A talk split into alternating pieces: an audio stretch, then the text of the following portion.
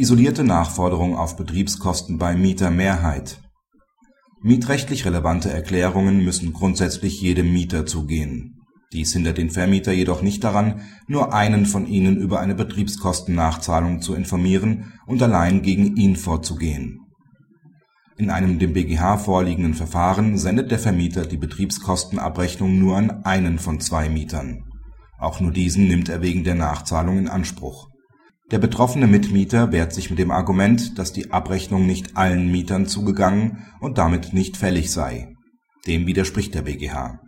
Die vom Vermieter nach § 556 Absatz 3 BGB gegenüber nur einem Mieter erteilte Betriebskostenabrechnung ist diesem gegenüber wirksam. Er kann daher auch diesen Mieter in Anspruch nehmen.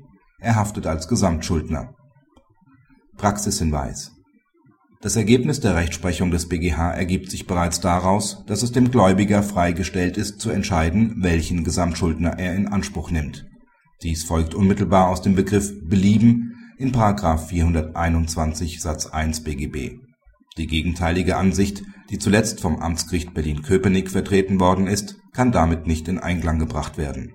Die Entscheidung ist für Vermieter insoweit sehr wichtig, als sie nunmehr die weiteren Mitmieter nicht zwingend erreichen müssen Andernfalls wären sie, wenn man die Fälligkeit der Nachzahlungsbeträge aus einer Betriebskostenabrechnung von deren Zugang bei allen Mietern abhängig macht, gehindert, ihre Forderungen geltend zu machen.